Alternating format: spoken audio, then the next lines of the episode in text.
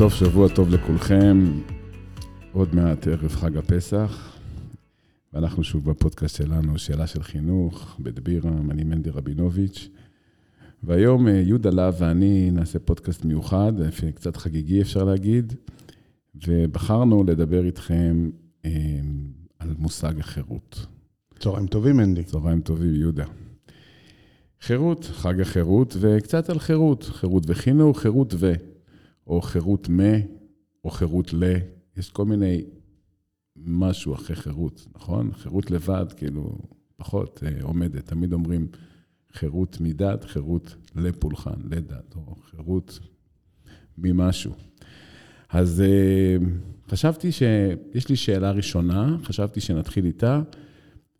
אה, יהודה תבחר, ואחרי זה אתה מוזמן גם לשאול אותי. תבחר חפץ שמסמל עבורך חירות. טוב, בתור אדם שחירות זה ערך מאוד חשוב לו, אני חייב קצת לסבך את השאלה. על איזה מובן של חירות אנחנו מדברים. ידעתי שאני לא אצא מזה ב... חירות, חירות אישית, במובן המהותי, או חירות בחינוך. תבחר. ככה זה שתיים פילוסוף. בוא נתחיל. אוקיי, חירות חירות אה, אישית. חירות אישית, דרכון. קלישאה, אבל זה... דרכון. דרכון, כן. מה שנקרא, מה שייתן לך כנפיים. כן, אבל לא סתם דרכון. אחד לתקופה, אחת לתקופה, אחת לחצי שנה, אני נכנס, יש כזה אתר שמדרג את הדרכונים בעולם. אה. ואני תמיד חרד לדעת באיזה מקום הדרכון הישראלי שלי. נו, תספר. האם אנחנו, אנחנו מקום טוב, אני חושב משהו כמו 20 בעולם. אם אני לא טועה. לפי מה קובעים? אה? לפי כמה מדינות אתה יכול להיכנס בלי ויזה, בגדול. אה, פשוט. אבל התחושה הזאת של דרכון היא שאתה יכול להיכנס להרבה מדינות אפשרויות. נותן לך גם תחושה של ביטחון מסוים. אני חשבתי שזה דווקא צריך להיות אולי הדרכון שהכי גונבים. זה נחשב כאילו הכי אה, שווה, לא? זה נדבר עם החבר'ה במוסד, זה משהו אחר. אז מה, הדרכון זה החירות האישית? זה במובן האישית, כן, במובן האישי. איזה מדינה, אגב, היום הכי... הדרכון נחשב הכי... אני חושב שסינגפור, אם אני לא טועה, סינגפור או יפן, וואלה. אה, יש מדינות שעובדות על זה חזק, איחוד האמירויות, אה, זה ככה הם... הם, אה, מדד הדרכון. מדד, כן, יש מדד מדד הנלי קוראים לזה. מדד כן. הנלי. כן. יפה, למדנו עוד דבר חדש ממך היום, וכנראה לא האחרון. ומה, איזה עוד חירות? עוד קלישה במובן המהותי, זה כמובן הספר של ג'ון סטיורט מיל על החירות. Mm. ההורים והתומים של איך בן אדם צריך לחיות את החיים שלו ביחסים בין אדם ומדינה. אבל לי יותר חשוב חירות במובן החינוכי, וזה הכי פשוט בעולם. כן. הטוש המחיק. הטוש המחיק, כן. זה מבחינתי החירות האולטימטיבית בחינוך. אני בכיתה, אני בכיתה עם התלמידים, ואנחנו, כמורים, מחנכים, אנחנו מוכתבים על ידי הרבה הרבה כללים של משרד החינוך, תכף נפתח את זה. כן. אה, שמגבילים את החירות שלנו. אבל אה, בין ארבעת הקירות של הכיתה, אתה לבד, עם התלמידים. מאחורי הדלת הסגורה. מאחורי הדלת הסגורה, ואף אחד לא נכנס, אלא אם כן אתה מאשר. ושם אתה עם הטוש והפה שלך, אבל ביקשת חפץ, אז אה, פה זה לא חפץ. אה, הטוש, זה, זה האקט ה... אתה בורא איתו עולמות על הלוח ומוחק אותם בשנייה. כן, בכישרון הציור הגרוע שלי, אבל... אה, כן, ואתה גם מוחק את זה מהר מאוד.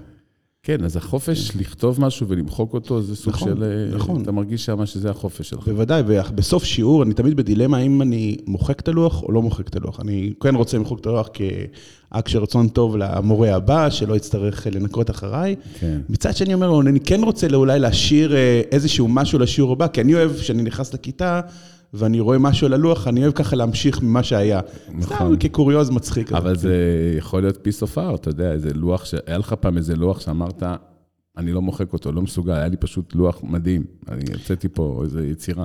אה, כן, אבל אז התלמידים אה, שולפים טלפונים, מצלמים, ואני אומר, רק תעבירו את זה אליי וזה בסדר. אה, הבנתי. כן, היום זה כבר, אה, הטור שמחיק הוא לא באמת מחיק, כי הם מצלמים הכל. זהו, הכל מתועד, הכל...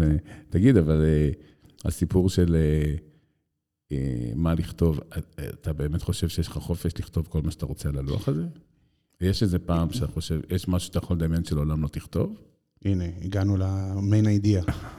אה, תראה, מערכת החינוך הישראלית היא מערכת סופר צנטרליסטית. לא. בהשוואה למדינות אחרות בעולם. אה, אנחנו פה, יש איזה דיסוננס. מצד אחד, אנחנו, אין למורים המון חירות. אין להם המון חירות. אבל בהשוואה למורים אחרים בעולם, המורה הישראלי יכול להגיד כמעט מה שהוא רוצה בכיתה. רגע, אני רוצה לאתגר אותך פה. כן. מה, מה זה הסיפור הזה של אין להם חירות? חירות זה לא דבר שאתה מקבל, זה דבר שאתה לוקח. אם הם ירצו ואם הם ייקחו, יהיה להם חירות. מה, אתה רואה מישהו שהולך לעצור אותם? באמת, מה? אני חושב שהמורים פשוט לא לוקחים את החירות, הם לא, הם לא, הם לא יודעים שיש להם חירות. אז בואו נלך צעד אחורה. אמ, בתור מדינה ועם שיש לו חג שמוקדש לחירות, תרבות החירות לא מושרשת במדינת ישראל. למרות שיש לנו גם את זה בחוק יסוד וזכות יסוד, אתה לא רואה את, ה, את השיח על חירות כשיח מאוד מהותי. במדינת ישראל, להבדיל מנניח מארצות הברית, ששם זה ערך, don't touch my liberty. זה, mm-hmm. אנחנו רואים את זה הרבה מקומות. ולנו יש חג מסוים על זה. אה, גם להם יש איזה משהו, לא? יש איזה, יש איזה יום כזה שהם מדברים על החירות. אה, בעצם יש את מדליית החירות שנותנים לכל כן, מיני אנשים. כן, החירות, על הקונס, הקונספט הזה של... אבל יום העצמאות שלהם זה יום החירות, הם מדברים שם על החירות. נכון, זה האתוס האמריקאי. האתוס כן. האמריקאי הוא האתוס ש, שנבנה סביב הרעיון של חירות. עכשיו, האם ארה"ב היא יותר, מדינה יותר חופשית, בת חירות ממדינות אחרות? אני לא בטוח, אבל זה, זה נמצא בתודעה שם. וברגע שזה נמצא בתודעה, כל הזמן הציבור מסתכל על המדינה לראות איפה המדינה פוגעת לי בחירות. וגם ש... זה בחרדתיות יתר. לא? מאוד, לא? בוודאי, כאילו... בוודאי, בוודאי. תל... תלמיד אמריקאי יודע לדקלם לך את החוקה בעל פה. וחוץ מזה, מדינה גם לפעמים פוגעת לך בחירות לתכלית ראויה. כלומר, היא ממסה אותך, היא פוגעה לך בחירות. כן, חווינו את זה בשנתיים האחרונות. אוקיי, אז אה, ממסים אותך, אבל זה כדי ליצור סביבה, כי אם לא למסה אותך, אז תעבור ליד אנשים ולא... הם ייפלו לידך. יש פה איזו אחריות הדדית שהמדינה צריכה לקחת... נכון, גם שם בארצות הברית יש את התפיסה, הרבה מאוד אנשים מחזיקים בתפיסה ליברטריאנית, שזה בכלל, לא, לא, המדינה היא רק מסגרת, לא כן, מתתערב לי. לא רואים אף אחד ממטר, לא, לא סולידריות, לא כלום. זה נכנס לאט לאט לישראל, התפיסות האלה. אמ, אבל אם אנחנו נחזור למערכת החינוך, אנחנו, אנחנו כמורים, אנחנו אה, מאוד נשלטים על ידי משרד החינוך.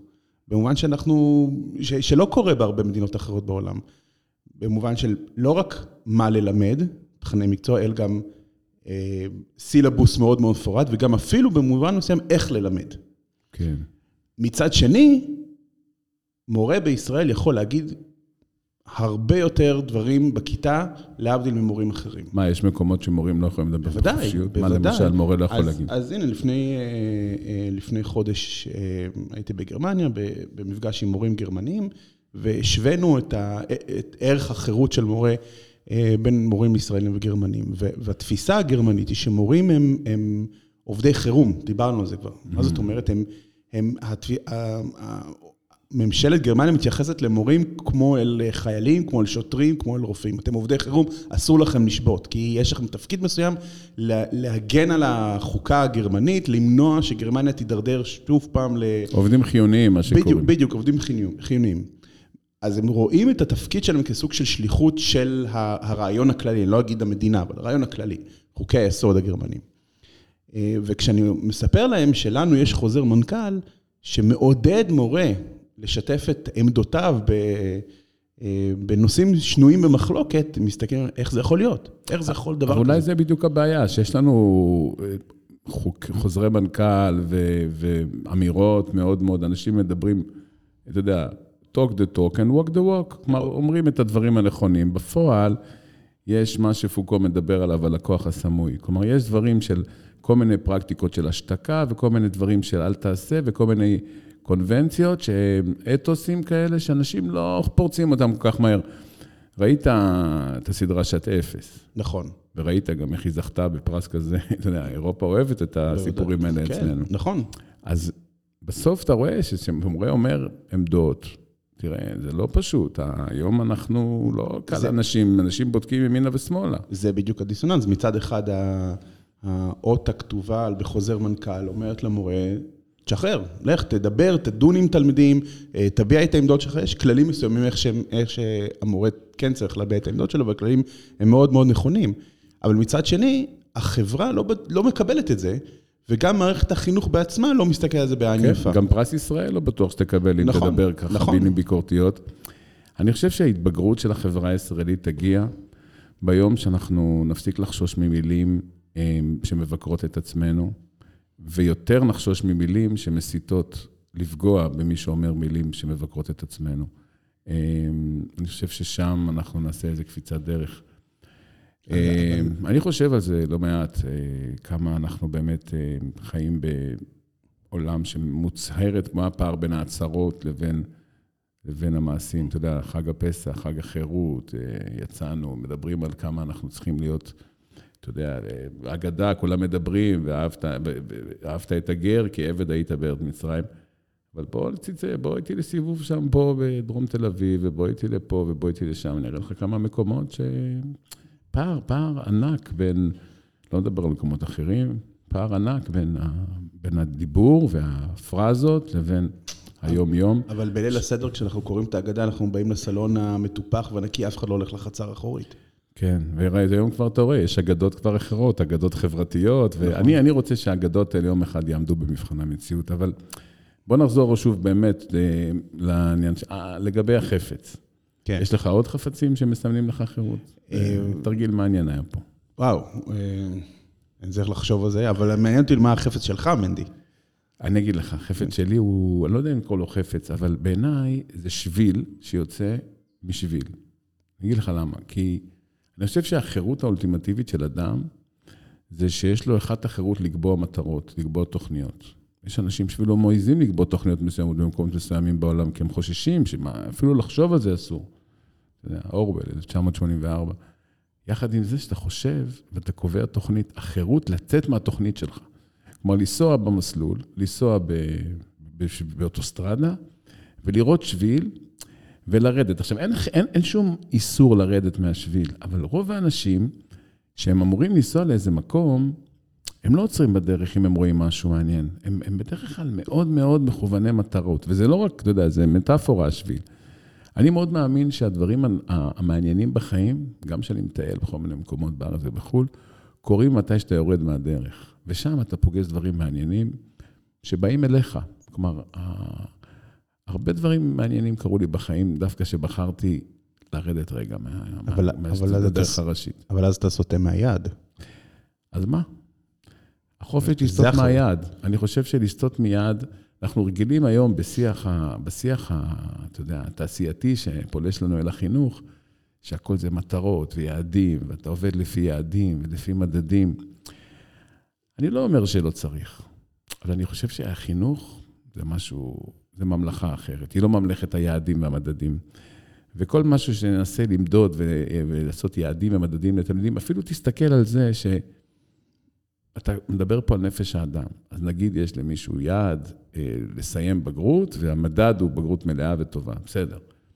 אבל מי אמר שהבן אדם הזה כרגע נמצא בזון, במקום שבשבילו הוא צריך עכשיו למה הוא צריך לעשות את זה? ואם הוא יעשה את זה עוד כמה שנים, מה יקרה? מה יקרה? לאן אנחנו ממהרים? מה יש?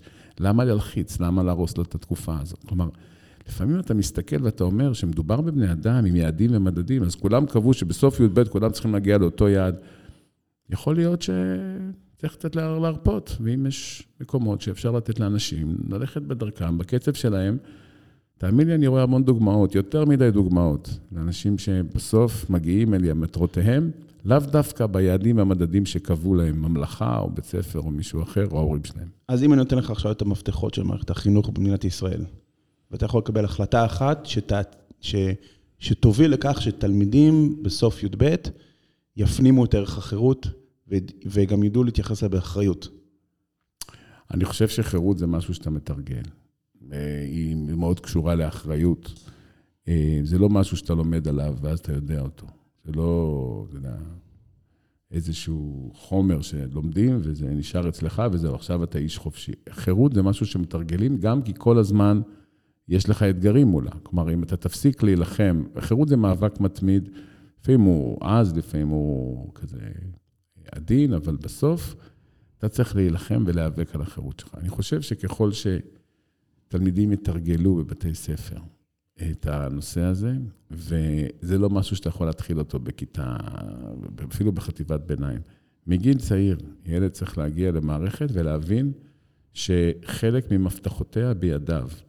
הוא, הוא צריך להיות שותף לעיצוב, שותף, ואז ברגע שהוא זה שלו, הוא מרגיש שייכות, וברגע שהוא רואה שדברים שם קורים לא לפי משהו, אז יש לו את, ה, את הקומפיטנטיות ללכת ולהגיד, רגע, אני רוצה שזה יהיה אחרת. ו...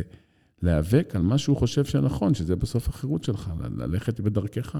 אז החירות היא, היא, היא תהליך שהיא מלווה בחינוך. אתה יודע, זה, זה מעניין, כי אני בשיעור... בחינוך, אבל בחינוך לא במובן של הוראה, אתה לא יכול לעשות שיעור בחירות. זה ככלים. אתה ש... יכול ללמוד טקסטים מכוננים שקשורים למאבקים לחירות בעולם. תלמד את נלסון מנדלה, תלמד את אה, מרטין לותר קינג, תלמד את גלילאו, תלמד את כל הסיפורים המעוררי השראה מההיסטוריה שלנו.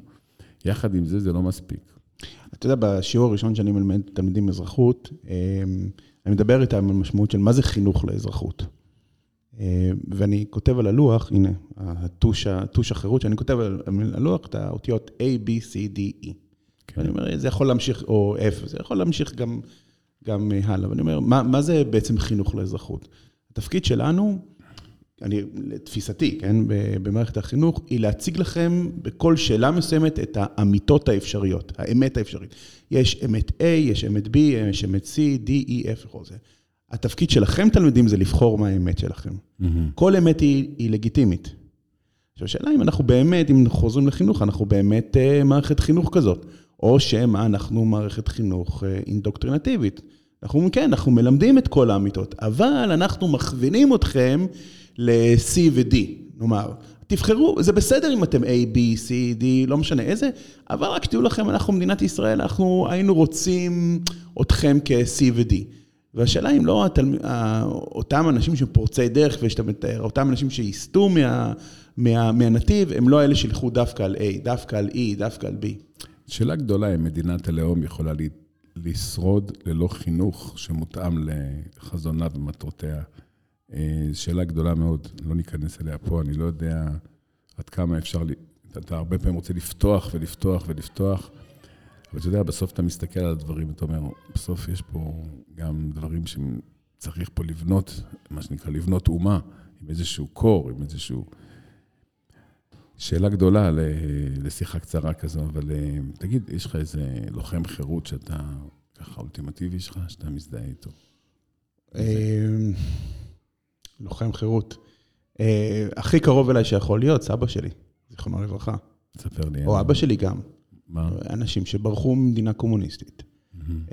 ממש ברגל, וכדי לחיות בעולם, אה, בעולם שלהם, אבא שלי מספר לי שכשהוא היה בן 14, הוא ברח מהונגריה, אה, ולבד, השאיר את ההורים, הם, הם דחפו אותו לצאת, אני לא יודע בדיוק איך, אה, אני כבר לא יכול לשאול אותו, אה, הוא הגיע לאוסטריה, והוא מספר ששם, בשדה תעופה בווינה, היו עמדות של כל מדינות, כל מי שברח מהגוש הקומוניסטי היה מגיע לשדה תעופה בווינה, ושם היה עמדות של ארה"ב, אוסטרליה, קנדה, ישראל, תבחר, איזה אתה רוצה. ו... והוא אמר, לא חשבתי פעמיים, באתי לישראל. כמובן, כנער, אתה אומר, מה, אתה יכולת ללכת לאמריקה? אה, זה היה אקט החירות שלו. זה מבחינתי, כבן אדם, כמשפחה, זה...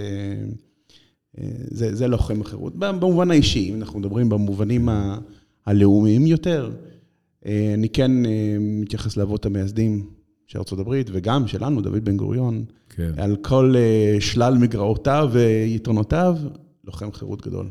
אז אני דווקא, אני באזור שלך, בתקופה, אני מאוד, אני אבל לא הולך אל המנהיגים. אני אוהב מאוד לחפש את האנשים הרגילים. ואני אני, אני חושב על לוחמי תש"ח, הלוחם תש"ח, תקרא לו איך שתקרא לו, אורי. אה, אבל הלוחם הפשוט, הלוחם הרגיל, זה שהגיע לפה מהתופת באירופה, הוא גדל כאן בשדות החקלאיים, ונלחם על הקמת המדינה. אלה, אלה האנשים שתמיד, כשאני חושב על לוחמי חירות, תמיד כשאני נוסע לירושלים, אני חושב עליהם. אלה הדמויות שמאפיינות אותי, אם תרצה, כזה יצחק רבין שהיה צעיר, או... הלוחמים אבל הפשוטים. אפילו בהגדה של פסח אה, דיברתי השבוע, השבוע עם חבר טוב. אמרתי לו, תגיד, מי הגיבור שלך בהגדה? אתה יודע מה הוא אמר לי? מה? גיבורה. גיבורה. כן. מי? והגיבורה היא בת פרעה. כי הלכה נגד. כן. כי היא הייתה, לא, לא אדם פשוט, אבל היא הייתה, אתה יודע, חיה בממלכה. הכי קל לה ללכת עם האתוס והמצוות של אביה, המלך. אבל היא עשתה בחירה. היא ראתה והלכה עם המצפון שלה. ואני חושב שאין דבר יותר אמ, שמייצג את החירות מזה שאתה הולך עם, עם, עם המצפון שלך, למרות שאתה שייך לאיזשהו קולקטיב, ואתה בוחר את הבחירה הערכית שלך. אה, והיא משתה את משה מהים. אבל שמת לב. שהבחירות שלך ושלי, של אנשי אה, חירות, הם אנשים שחוו אי חירות. והשאלה אם אנחנו לא לוקחים את זה כמובן מאליו במדינת ישראל, ואולי זה טוב, אני לא אומר את זה כביקורת. אה, כל מי שנולד בישראל אה, לא חווה חוסר חירות במדינת ישראל, אני אומר, אה, בתוך גבולותיה הריבונים של מדינת ישראל, הוא לא חווה חוסר חירות. ו... אני מסכים איתך, אני חושב שאחד הדברים שאני מאחל לכל אדם, כדי להעריך את החירות, זה לחוות תקופה מסוימת, רגע, לפעמים זמן משמעותי מספיק, שנלקחת לך החירות. איך אתה, להרגיש מה זה אדם שאין לו חירות תנועה, שאין לו חירות, אה, שאין לו חופש ביטוי. האוקראינים שנלחמים ונהרגים עכשיו... בדיוק מה שאתה חושב עכשיו. באוקראינה, אנחנו חושבים עליהם ביחד. זה אנשים שנולדו לפני, כמה נגיד, 25, חבר'ה בני 25, נולדו mm-hmm. לתוך איזשהו סוג של חירות. והם יכלו להוריד את הראש, לתת לרוסים להיכנס, המדינה הייתה נשארת אה, בנויה כמו שצריך, רחובות היו נקיים, אה, הבניינים היו שלמים, אבל לא הייתה להם חירות, והם מוכנים שהמדינה שלהם תחרב למען חירותם. אבל הם חבר'ה שנולדו לתוך חירות, נכון. לכן הם לא מוותרים עליה. נכון. הם חבר'ה שלא מוכנים, הם שמעו את הסיפורים. יכול להיות שאם הם היו, אם זה, המלחמה הייתה קורית עשר שנים, ועדיין החיילים האלה היו אנשים שחיו פעם תחת uh, השלטון הסובייטי, הם לא היו נלחמים כל כך. הם היו אומרים, אוקיי. אבל אני חושב שזה שהם כבר תקופה מסוימת, של 30 שנה, חיים בתודעה של חירות, הם לא מוכנים לאבד את מה שיש להם. וזה הדבר שעליו, אני חושב, אנשים נלחמים. כי ככל שניתן יותר חירות לאנשים, זה משהו שפעם שיש לך אותו, אתה לעולם לא תוותר עליו. מסכים.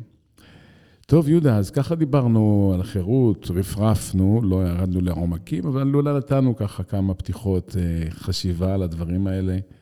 אני מאחל לך ש...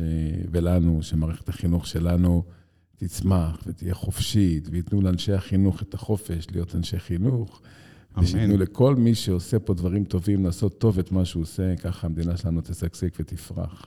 אמן, חג שמח. חג שמח לכולם, לכל בית ישראל, לכולכם, לכל מי ששומע אותנו. תודה רבה, זו הייתה עוד שאלה על חינוך. עוד שאלה, תודה רבה, חג שמח.